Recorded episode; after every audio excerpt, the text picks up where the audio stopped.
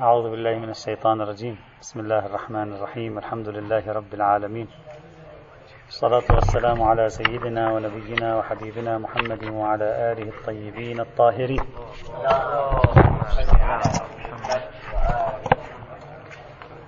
وصل بنا المطاف إلى الحديث عن العصير العنبي. قلنا البحث في العصير العنبي يقع في عدة مقامات. المقام الأول في أصل عرض روايات العصير العنبي و استبيان تحليل أولي لهذه الروايات مع وقفات سريعة تتعلق بالإسناد والصدور.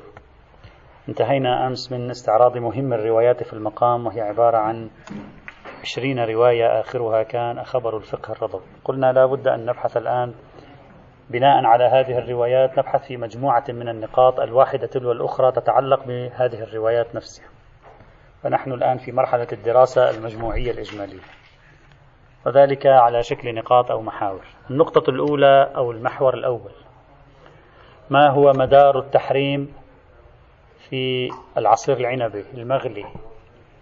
هل هو النشيش أو هو الغليان أو هو الاشتداد؟ سنتكلم عن هذه النقاط. طبعا بصرف النظر عن ربط العصير العنبي بمسألة المسكرية. ما هو المعيار والمدار في تحريم العصير العنبي المغلي بالنار؟ هل أن يكون له نشيش؟ هل أن يحدث فيه الغليان؟ أو أن يكون لا اترك الإسكار أو الاشتداد. الإسكار بحث لاحق إن شاء الله تعالى. توجد هنا ثلاثة آراء للفقهاء موجودة في هذه المسألة.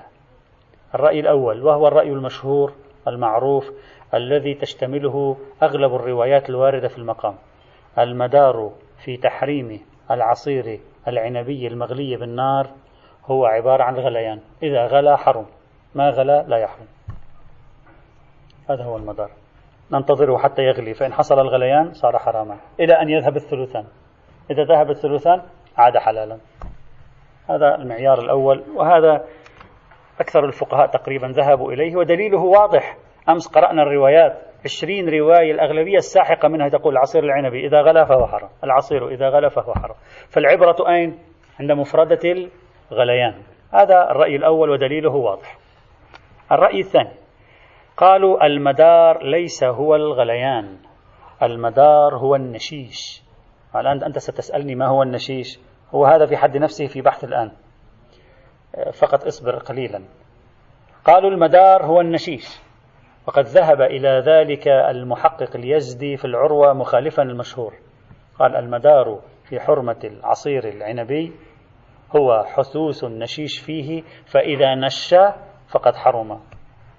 طيب.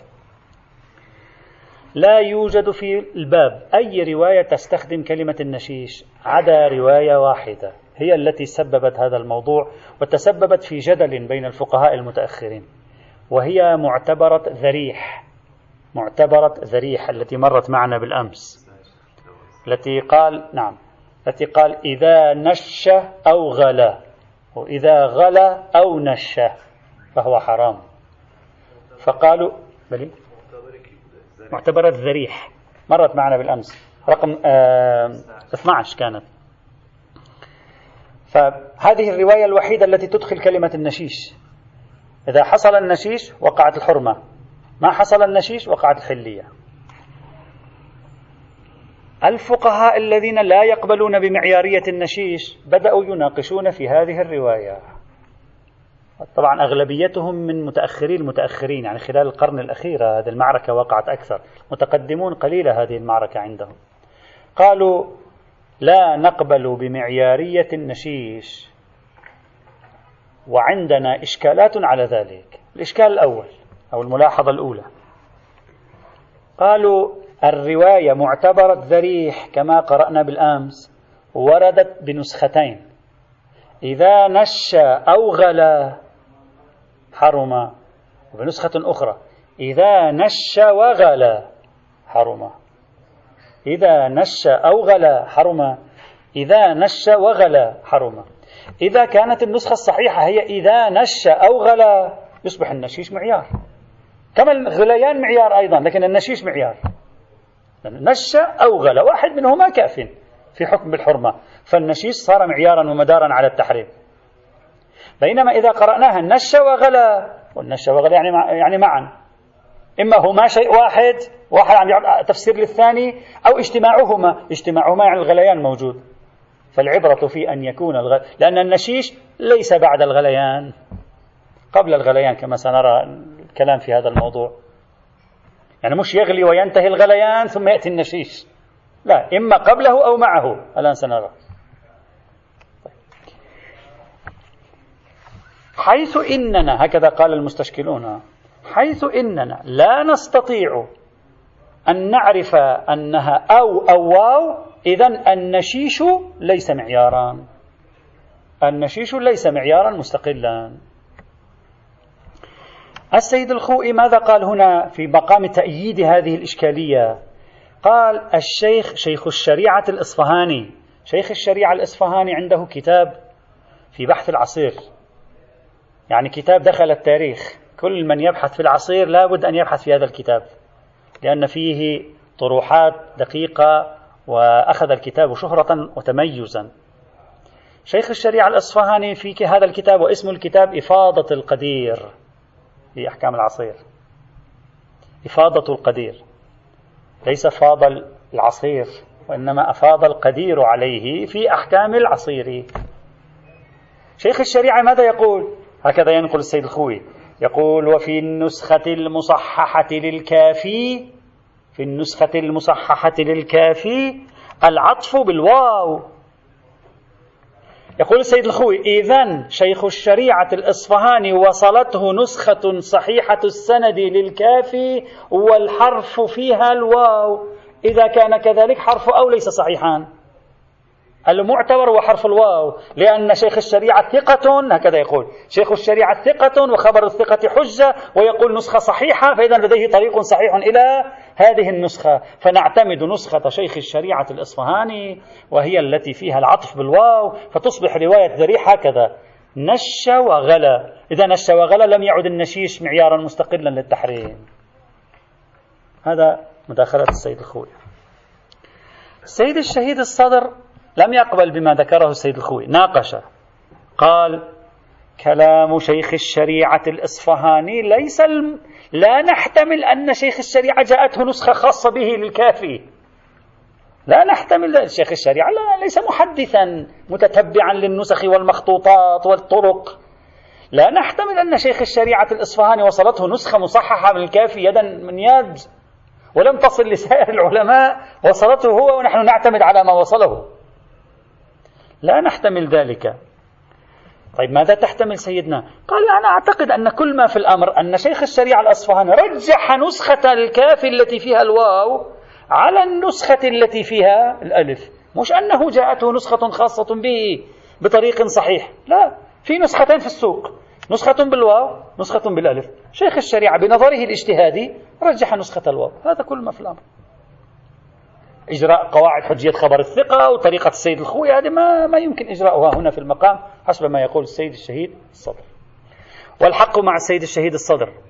يحتاج الأمر فقط أن نفتح كتاب إفاضة القدير ونقرأ النص الذي يتكلم فيه شيخ الشريعة الأصفر لا نحتاج أن نحلل.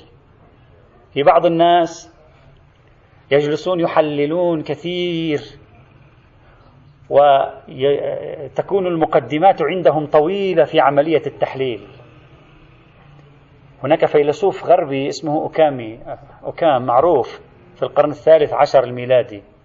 كان عنده آه، قاعدة أطلق عليها فيما بعد بشفرة أوكام. هذه الشفرة قال فيها قاعدة قال كل نتيجة يمكن الوصول إليها بمقدمتين فلا ينبغي أن نصل إليها بثلاثة ولا بأربعة ولا بخمسة. احذف احذف العلم تضخم العلم تضخم احذف احذف.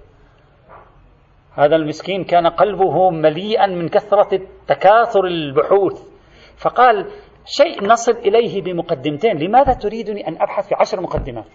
احذف الثمانية شيء نصل إليه بأربع خطوات لماذا تريدني أن أن أدور الطريق بأجمعه أن أصل إليه؟ مثل بعض شوفرية التاكسي. بعض الشوفير التاكسي تقول له أريد الذهاب إلى المكان الفلاني. لا أدري هو كأنما شيء ما ينزع فيه في باطنه أو لأمر أنت لا تعلمه. يذهب في الطريق الأبعد. ويذهب ويأتي من هنا ثم يأتي من هناك إلى أن يصل. وكان بإمكانه الذهاب من الطريق الأقرب. ولذلك يضربون مثلا شهيرا في القرون الوسطى في أواخر القرون الوسطى عن هذه القضية. يقولون جلس بعض الفلاسفة النظريين في في مكان في بيت ويتناقشون كم سن عنده الحصان. أحدهم قال 42 واحد قال 43 واحد قال 40 واحد قال 30 واحد قال 35 ثم بدأ الثاني أحدهم قال 40 قال والدليل لو كان له واحد وأربعين للزم أنه إذا مضغ يخرج مضغه هكذا الثاني قال له لا يرد عليك. لو كان للزم كذلك وأخذوا ساعتين ثلاثة وقف واحد فيهم قال لهم أنتم على ماذا تبحثون؟ افتحوا باب الاسطبل هذا الحصان بجانبنا. افتحوا باب الاسطبل اخرجوا الحصان. افتحوا فمه عدوا عدد الأسنان. تنتهي القضية. لماذا هذا الجدل الكثير في قضايا هي قريبة للمنطق بسرعة؟ خطوتين تصل إليها. أنت تد... بعض الناس أصلا عقله مركب بهذه الطريقة. العقل مركب صار بطريقة متشابكة بحيث يميل إلى شيء من هذا القبيل. طبعا نحن الآن لا نتكلم عن سيد الخوي والعياذ بالله نتكلم بالتحليل المطلق. فتعالوا نحن بدل أن ندخل في جدل ونقول لا هكذا قصد ولا هكذا نحن نقرأ نص شيخ الشريعة موجود أمامنا نصه. يقول يقول بالواو كما في النسخ المصححة في الكافي من الكافي يعني في أمامه نسخ وهذه المصححة. وفي التهذيب أو بدل الواو والأول أصح لأضبطية الكافي. ولأنه لا وجه لجعل النشيش كذا وكذا. يعني يأتي بقرائن على أن هذه النسخة هي النسخة المصححة للكافي. لأن طبيعة الموضوع تتناسب مع هذه النسخة. نأخذ بهذه النسخة. الرجل لا عنده نسخة خاصة فيه موجودة في مكتبته ولا عنده طريق ولا يتكلم عن طريق وإنما يتكلم عن نسختين ويرى أن هذه النسخة مصححة لأنها تنسجم مع الموضوع. ويأتي بشاهد يقول ولأنه لا وجه لجعل النشيش كذا وكذا. يبدأ يأتي بمرجح لنسخة على نسخة أخرى فلذلك وصف تلك بالمصححة. رجح هذه على هذه. فعمل اجتهادي ليس عملا غير اجتهادي. وعلى أي حال وعلى أي حال. الصحيح في المناقشة هنا أن نقول إننا نرجح تاريخيا على مستوى النسخ. نرجح نسخة أو ليس نسخة الواو. نرجح نسخة أو وليس نسخة الواو. ودليلنا على الترجيح لا حاجة إلى أن نبحث في طريقة أصولية. أنتم الآن لا أريد أن أدخل في التفصيل. اذهبوا إلى كتاب السيد الشهيد الصدر بحوث في شرح العروة. وانظروا كيف بحث قضية النسخة. ستجدون طريقة أصولية تحليلية متشابكة استخدم فيها وسائل التحليل الأصولي. أنا أقول القضية أبسط من ذلك بكثير. نرجع إلى طرائق العقلاء في محاكمة النسخ. أنا عندي نسخة تقول أو. وعندي نسخة تقول واو. أرجع أرى أي نسخة هي أرجح رجعنا رأينا ما يلي رأينا ما يلي. رأينا أن مؤسسة دار الحديث حققت كتاب الكافي على أكثر من سبعين نسخة عمدتها أربعة عشر نسخة تقريبا. لا يوجد أي نسخة فيها فيه حرف الواو كلها حرف الألف. إذا في عندنا عدد كبير من النسخ الواصلة إلينا الآن لا يوجد فيها حرف الواو وإنما موجود فيها حرف الأو. أيضا رجعنا إلى التهذيب. والتهذيب يأخذ برواية الكافي. أيضا حرف أو. رجعنا إلى الوافي. الوافي الفيض الكاشاني هم أيضا ينقل عن الكافي. يعني عنده نسخة له. رأينا أيضا أو. رجعنا إلى الوسائل. رأينا أيضا أو. أيضا أو. حتى العلامة المجلس الذي طرح فكرة الواو. قال في نسخة واو. حتى هو في مرآة العقول وفي ملاذ الأخيار هو جاء بنسخة الأو. يعني أقر بنسخة الأو. كل ما في الأمر عندي شخصين وأظن أحدهما أخذ من الثاني. الأول هو العلامة المجلس الأول صاحب روضة المتقين. أثار القضية إثارة أنه في نسخة هكذا. والثاني ولده في البحار لا في مرآة العقول ولا في ملاذ الأخيار في البحار. ويبدو أنه على الأرجح أخذها من أو ربما أخذها من والده رحمهما الله. مجرد هذا هو الموجود أمامنا الآن. نقل لصاحب البحار ووالده عن نسخة ما. لا يقولان هذه النسخة أرجح أو غير أرجح نقلهم عن نسخة ما في قبال كل هذه المعطيات الموجودة أمامنا. لا داعي لأن, لأن نتريث في ترجيح النسخة الأكثر شهرة.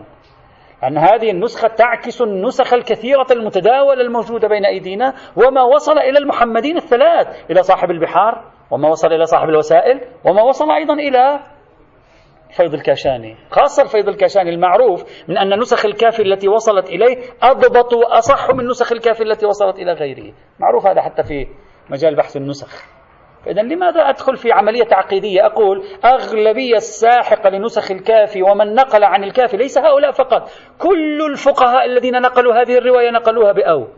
حتى العلامة الحلي والبحق الحلي كلهم لا حاجة يعني الريب والشك في هذه القضية والدخول في تعقيدات فالأصح بصرف النظر عن المتن الأصح في مثل هذه الحال أن نرجح رواية نسخة أو على وهي نسخ أو في الحقيقة على نسخة الواو التي كانت موجودة. لا لا. بحسب تحقيق دار الحديث الذين حققوا آه، على 72 نسخة لكن العمدة فيما اعتمدوا 14 نسخة. يعني هم هكذا يقولون. العمدة 14 نسخة أساسية. على هذه النسخ لا توجد كلمة واو. وهذه النسخ التي بين أيدينا هي نسخ العصر الصفوي. ليست نسخ آه، بعد العصر الصفوي أو قبله. هذه هي نسخ العصر الصفوي. بل بعضها قبل العصر الصفوي. يرجع إلى القرن السادس الهجري أيضا. فلا في تقديري لا حاجة. نعم إذا قلت لي الشيخ الطوسي في التهذيب نقل عن الكليني بأو والشيخ الكليني نقلها بالواو أقول لك نعم هذا مدعاة للشك. تقول لي مثلا الفيض الكاشاني نقلها بأو والحر العاملي نقلها بالواو والآن ليس عندي إلا هذين. أقول لك نعم هذا مدعاة للشك.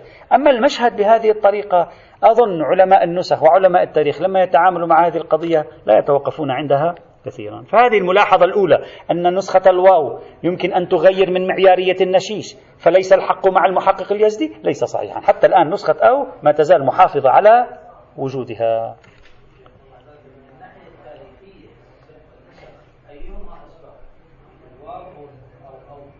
من الناحية التاريخية نحن نحن ما عندنا نسخة الأو أصلا. حسب المتوفر ليس, ليس نحن أقدم شخص تكلم بنسخة الواو عفوا ما عندنا نسخة الواو. أقدم شخص تكلم بنسخة الواو هو المجلس الأول. النسخ الكافي المتوفرة لدينا الآن بحسب طبع دار الحديث أقدم من المجلس الأول وهي بأو وليست بالواو. هكذا. هذه الملاحظة الأولى. إذا خلاصة الملاحظة حتى أعيدكم إلى أصل البحث. نحن نبحث المعيار في الحرمة في العصير العنبي النشيش أو الغليان أو الاشتداد. الرأي الأول الغليان وهو الرأي المشهور وأغلب الروايات على معيارية الغليان. الرأي الثاني النشيش وتفرد به أو خالف به المشهور المحقق اليزدي. الآن أشكلوا على المحقق اليزدي. ما دليلك على معيارية النشيش؟ ليس إلا معتبر الذريح. معتبر الذريح تقول النشيش أو الغليان. إذا النشيش صار له استقلالية أحدهما كاف. أشكلوا بعدة إشكالات. إشكال الأول أو هذه مجرد نسخة. تعارضها نسخة الواو. فلا يمكنك أيها المحقق اليزدي أن تعتمد على نسخة أو. وقد أجبنا وقلنا نسخة أو هي الأصح نسخيا وهي الأقرب نسخيا. وهذا ليس إشكالا على المحقق اليزدي. هذه الملاحظة الأولى التي سجلوها. الملاحظة الثانية. ما ذكره السيد الخوئي. السيد الخوئي ماذا قال؟ طبعا الآن بس شوية الإخوة يأخذوا نفس لأنه الآن بعض ال... طبعا أنا في تفاصيل كثيرة سأحذفها. لا نريد ندخل في آه، لا شوية بعض الطرائق قد تكون فيها يعني التدقيقات الأصولية ونسب الروايات مع بعضها. سأحاول أن أوضح الفكرة جيدا. سيد الخوي ماذا قال؟ قال رواية ذريح ماذا تقول؟ تقول أو النشيش أو الغليان. النشيش الآن نحن نفرضه خلي في بالك الآن هذه الفكرة أن النشيش قبل الغليان. نشيش قبل الغليان هكذا مفروض الآن. نشيش قبل الغليان. طيب الرواية لما تقول أو النشيش أو الغليان يعني إذا نشى ما هو النشيش يأتي قبل الغليان. إذا نشى إذا الغليان لم يعد له معنى. خلاص ما هو إذا نشى أو غلى الغليان يأتي بعد النشيش النشيش يأتي قبل الغليان. معنى ذلك بمجرد أن ينش خلاص صار محرم. الغليان لم تعد له قيمة. مع أن أغلب الروايات في المقام ذكرت الغليان معيارا. فمعتبرة ذريح تعارض كل الروايات في الباب. لأن كل الروايات في الباب تقول إذا غلا حرما. الآن الإخوة يا رب إذا أنا سأعطي مقطع زمني. إذا غلا حرما يعني قبل الغليان حل. هكذا تقول كل الروايات. معتبرة ذريح ماذا تقول؟ تقول إذا نش حرم. يعني بين النشيش والغليان يوجد تعارض. معتبرة ذريح تقول بعد النشيش حرام بينما مفهوم سائر الروايات يقول قبل الغليان وبعد النشيش حلال. وقعت المعارضة بينهما. ليس بينهما بين رواية ذريح وكل الروايات الأخرى. يعني فترة ما قبل الغليان وبعد النشيش بخبر ذريح حرام. فترة ما قبل الغليان وبعد النشيش بكل الروايات الأخرى حلال. أن يقول إذا غلى حرم يعني قبل الغليان حل ولو نشأ فوقعت المعارضة. هذه التفاتة السيد الخوئي في المقام. قلت ما فيك تقيد هنا. أصلا تصبح كلمة الغليان بلا معنى. كلمة غليان أصلا. هذا الشخص الذي يريد أن يبين معيارية الحرمة العصير العنبي كيف يبين من معيارية الغليان؟ والمفروض قبل الغليان يحرم. يعني مثل واحد يقول يحرم عليك إذا أردت أن تشربه بعد الغليان. لا معنى لهذه. سيد الشهيد الصدر صحيح سيد الخوئي كان دقيقا في أخذ النسب نسب والدوائر بين الروايات. سيد الشهيد الصدر كان أدق منه ووفق أكثر منه في إجراء هذه المعادلة في تقديري يعني. ماذا قال؟ قال السيد السيد الخوئي تصور أنه إذا حرم العصير العنب إذا غلى فهو حرام تصور قبلها حلال. مع أنه إحنا عندنا روايات عمومات فوقانية تقول العصير إذا وضع على النار حرم إذا وضع على النار حرم هذه مسألة ستأتي معنا أيضا. بمجرد ما تضعه على النار حرم إذا أنا الآن الرواية ماذا تقول؟ الآن لو أستطيع أن أرسمها. الرواية رواية الغليان ماذا تقول؟ تقول بعد الغليان حرام مفهومها قبل الغليان حلال. العمومات الفوقانية ماذا تقول؟ بمجرد وضعه على النار حرام. صحيح؟ وقع التعارض حينئذ. وقع التعارض حينئذ. الآن أنت إذا قلت روايات الغليان تعارض روايات النشيش في الفترة التي بين الغليان والنشيش تعارضا تساقطا إلى أين نرجع؟ أنت رجعت إلى أصالة البراءة سيدنا الخوئي. نرجع إلى العمومات الفوقانية. من عندي عموم فوقاني يقول إذا وضع على النار حرم فالنتيجة تكون يحرم عند النشيش. لماذا؟ لأن كل روايات النشيش وكل روايات الغليان تخصص دليل روايات النشيش والغليان معا تخصص دليل إذا وضع على النار. المقدار المتيقن من التخصيص قبل النشيش. بعد النشيش تتعارض روايات الغليان والنشيش تتساقط في ما بين النشيش والغليان تأتي العمومات الفوقانية. بعد الغليان يخصص. سأشرحها مرة أخرى. إحنا عندنا الآن ثلاث ستأخذ وقت. لا ستأخذ وقت. عندنا الآن نحن ثلاث آه، طوائف من الروايات. روايات تقول بعد إذا غلى حرم. الرواية الثانية إذا نش حرم. الرواية الثانية إذا وضع على عصير وعلى النار حرم ثلاث روايات هكذا.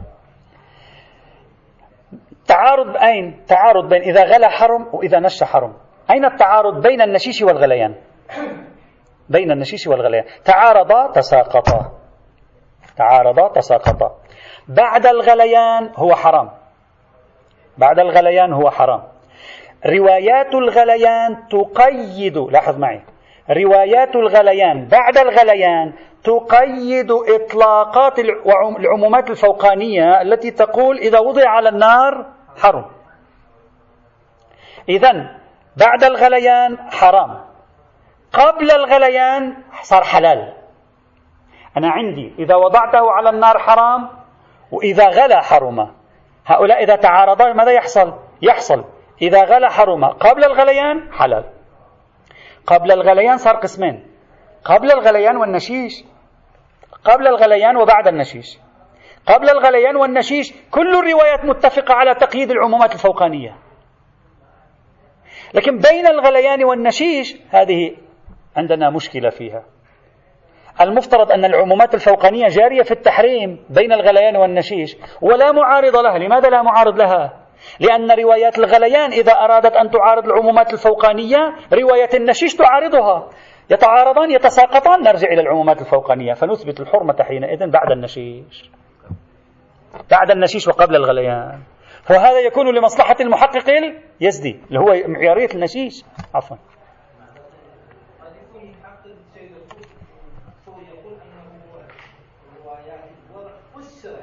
روايات ال... نعم. نعم. نعم. نعم. بل نحن سنذهب أكثر من ذلك بعدين. لكن أنا الآن نذكر إشكالهم على طريقتهم. نحن أصلا سوف نرى أنه لا الاشتداد ولا النشيش ولا الغليان ولا أي شيء من ذلك هو معيار التحريم أصلا. لكن الآن نبحث عن معيار التحريم وفق عنوانية العصير العنبي.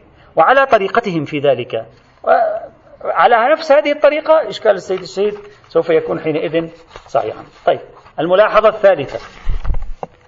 قالوا هذه الرواية رواية ذريح اللي هي الأساس هنا متهافتة لا تصلح للمعارضة.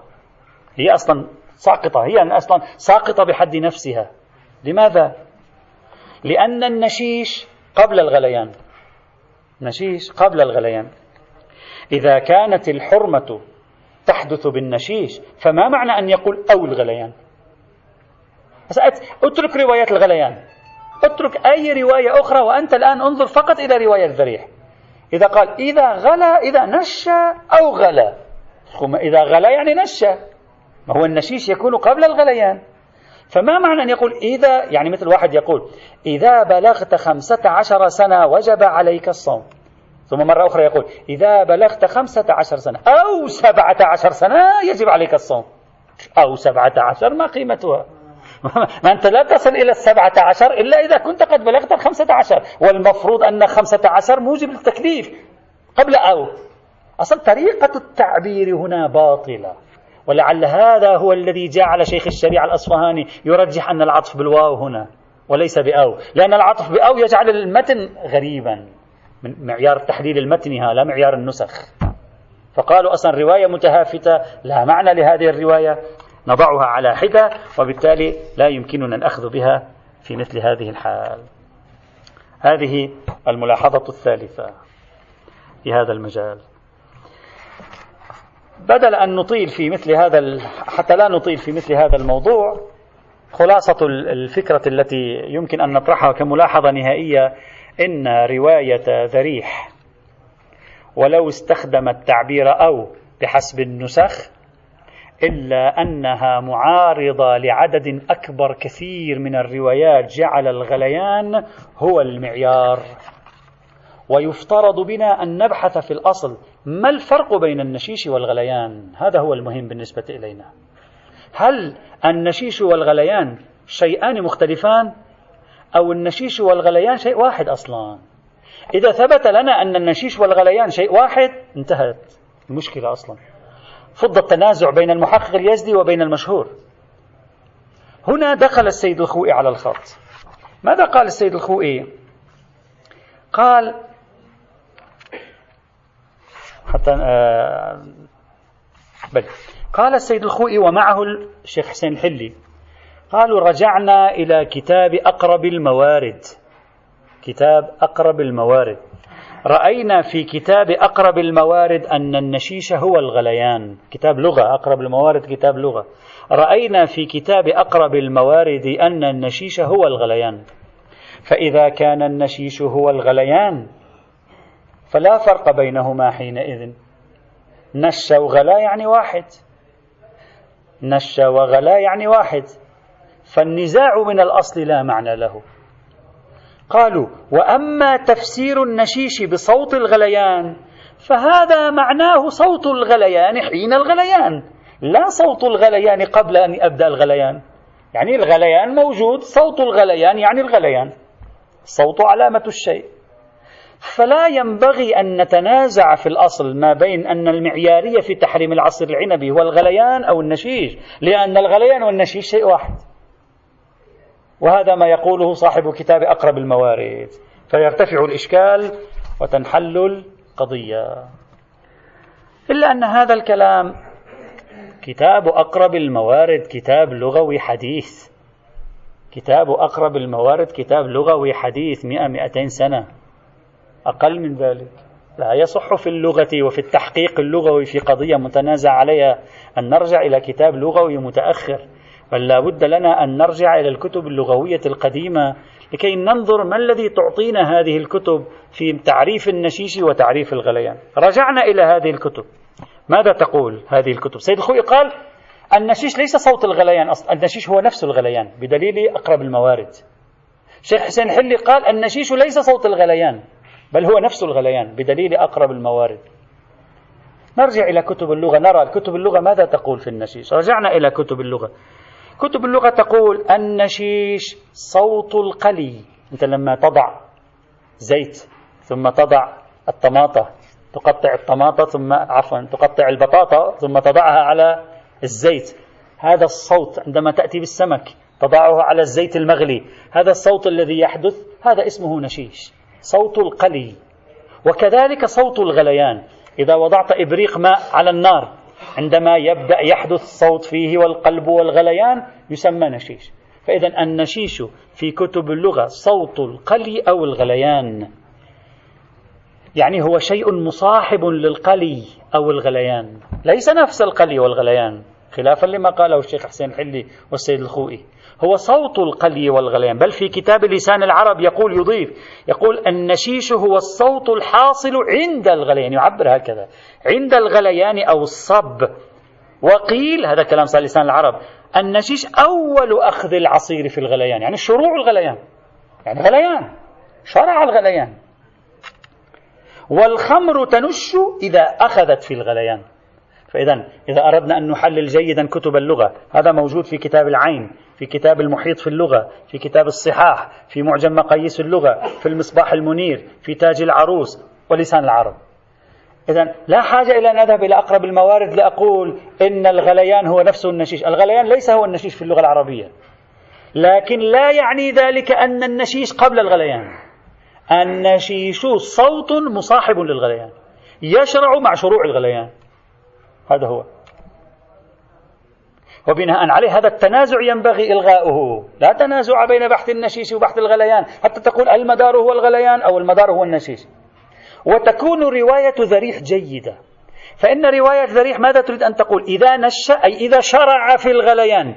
أو غلا أي بلغ ذروته. يعني لا فرق بين أن يشرع في الغليان أو يبلغ ذروة الغليان. لأن الغليان يشرع تدريجيا. أنت إذا وضعت ماء على النار ليس دفعة واحدة يبدأ يقلب بسرعة وإنما بالتدريج يبدأ يقلب. يصل إلى درجة 99 يبدأ يقلب ثم بعد ربع دقيقة تجده صار يقلب بسرعة كبيرة. بمجرد بداية الغليان يسمى نشيشا. هذا صوت بداية الغليان وهو النشيش. فإذا لا موجب للتنازع في مثل هذه القضية.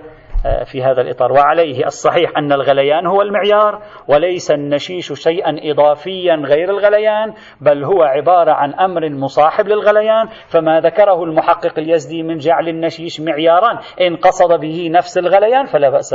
وإن قصد به شيئا آخر فهذا غلاف معطيات اللغة العربية. هذا الرأي الثاني. إذا الرأي الأول معيار هو الغليان وهو الصحيح.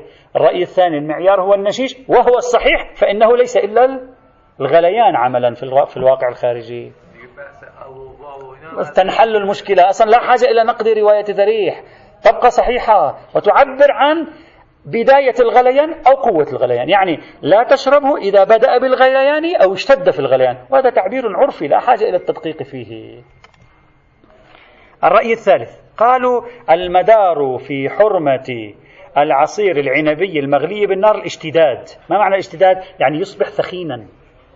بعد أن كان سائلا لزجا كثيرا يشتد على نفسه تقترب أجزاؤه من نفسه يصبح ثخينا.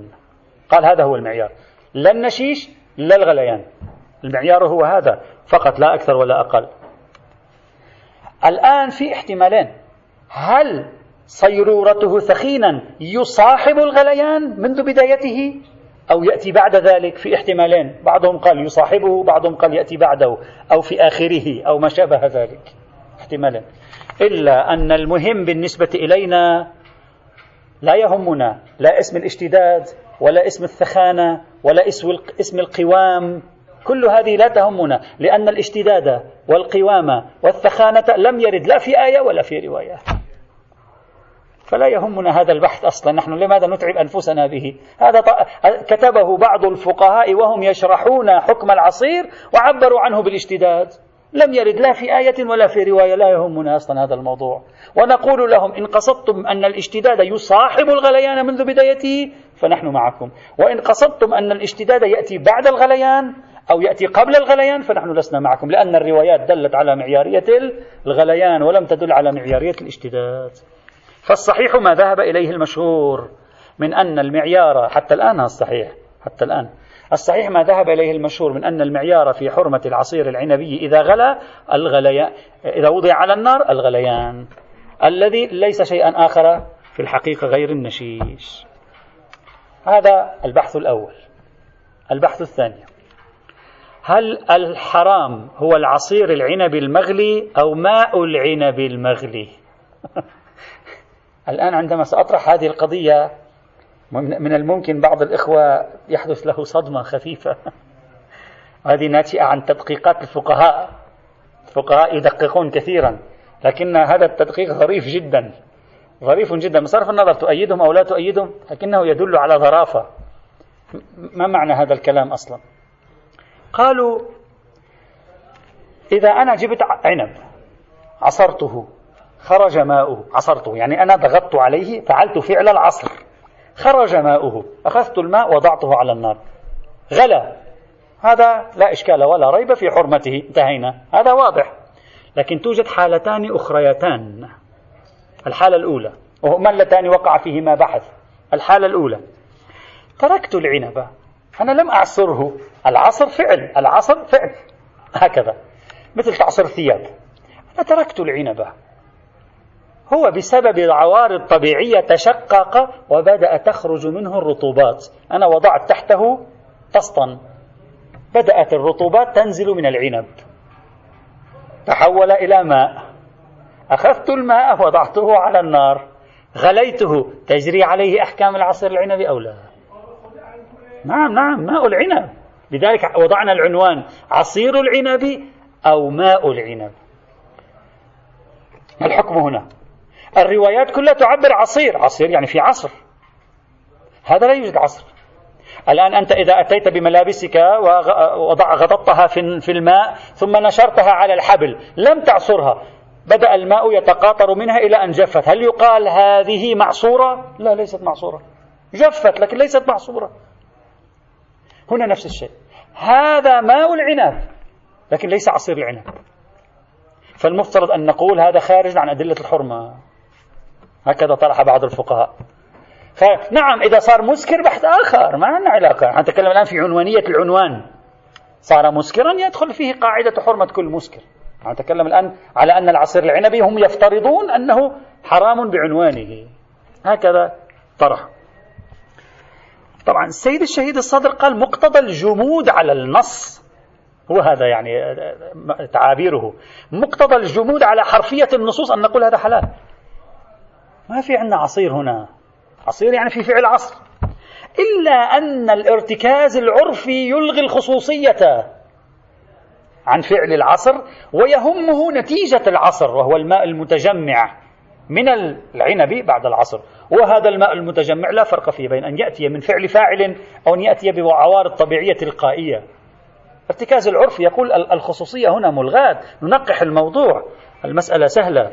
وهذا هو الصحيح. لا ينبغي أن نشكل كثيرا في مثل هذه القضية. لا فرق في لأن أما الروايات عبرت بالعصير لأن هذه الحالة الغالبة. أصلا الحالة الغالبة في استخراج ماء العنب أن يستخرج عبر العصر. عبر العصر بالأيدي بالأرجل تعرفون يستخدمون الأرجل أيضا. بالأيدي بالأرجل إلى آخره. بالآلات إلى آخره. أما كيف ينزل هذا الماء؟ المهم أن هذا ماء هذا العنب. لا ينبغي أن نتشكك في أن العرف لا يفهم خصوصية لمسألة فعل العصر وإنما العبرة بهذا الناتج. هذا هو الذي تترتب عليه الآثار أصلا في مثله. بل لا يبعد أن العرف لا يبعدها. أن العرف قد يطلق عليه كلمة عصير. ربما يعني. إذا الآن أعطيت شخصا أنت مثلا آه، عصير التفاح حتى لو كان قد خرج بنفسه يقول لك هذا عصير التفاح. تقول لو خرج بنفسه يقول لك نعم هذا عصير التفاح. لا يبعد تسامحا أن العرف لا يتوقف عند حرفية فعل العصر في مثل هذه الحالة هذه الحالة الأولى أمرها سهل. الحالة الثانية ستعجبكم أكثر. جئنا بالعنب. جئنا بالعنب. لو أنا جبت معي آه، برتقالة كان جيد. البرتقال أو الليمون شيريني أحيانا إذا أخذتها هكذا قطعتها تأكلها طبيعي. أحيانا ماذا يفعل بعض الناس؟ يضغطون عليها يضغطون عليها يضغطون عليها من كل جهة يتجمع الماء فيها. يفتحونها من جهة ثم يشربونها. الآن أنا مثلا العنب بطريقة ما تجمع الماء فيه في داخله في داخله في داخل العنب تجمع الماء فيه. لم يكن الماء جزءا منسابا في أجزائه الثابتة. تجمع كأنما مثلا صار أسفل كل عنبة تمحورت المياه. وضعناها على النار. غلت الماء في داخل العنبة المباركة. ما هو الحكم هل يجري عليه العصير العنب المغلي أو لا؟ هذه القصة هنا. نعم مفترض هكذا. يعني هو يغلي يتفاعل يبدو أنها تحصل. يعني لا أظن أنها لا تحصل ربما يعني ما أظن أنهم طرحوها هكذا ذهنيا. يعني ربما قد يمكن وقوعها بمعالجة أو بأخرى لا أدري. لكن على أي حال قالوا من ماذا نفعل هنا؟ هذا ماء العنب. وأنتم أخرجتم خصوصية العصير. خذوا هذه النتيجة. أخرجتم خصوصية العصير. لا يوجد عصير هنا يوجد ماء العنب. غاية الأمر ماء العنب مرة يكون في داخل العنبة مرة يكون خارج العنبة. هنا إذا غلى تقولون يحرم طب هنا إذا غلى لماذا لا يحرم؟ الحق معهم إلى الآن الحق معهم يعني يقول المفروض أن يحرم هذا. خاصة ونحن نتكلم عن إسكار لأنهم ذهنيتهم هنا ذهنية عنوانية العصير العنبي فكرة الإسكار لا يدخلونها. بعدين سنرى كيف قضية الإسكار ستطرح. فإذا طرحوا هذه القضية وقالوا بعض الفقهاء ذهب صراحة بعضهم مال ميلا بعضهم نسب إليه القول بالتحريم هنا. أما يعني كثيرون آخرون قالوا لا هذا الأمر يستدعي الحلية. وبعض عبارات الفقهاء تحتاج إلى تأمل ليست واضحة في أنهم يختارون هذا الرأي أو يختارون الرأي الغال. لكن أغلب الفقهاء لا يميزون. يقولون هذا واحد كله على هذه الطريقة. ما هو الحكم في هذه القضية؟ يأتي إن شاء الله تعالى. الحمد لله رب العالمين. نعم يغلي. نعم يغلي. ولكنه لا يفتح. فيسيل ماؤه. أين الإشكال؟ سيأتي معنا سبحان الله الميكروويف سيأتي معنا نفس المثال إن شاء الله.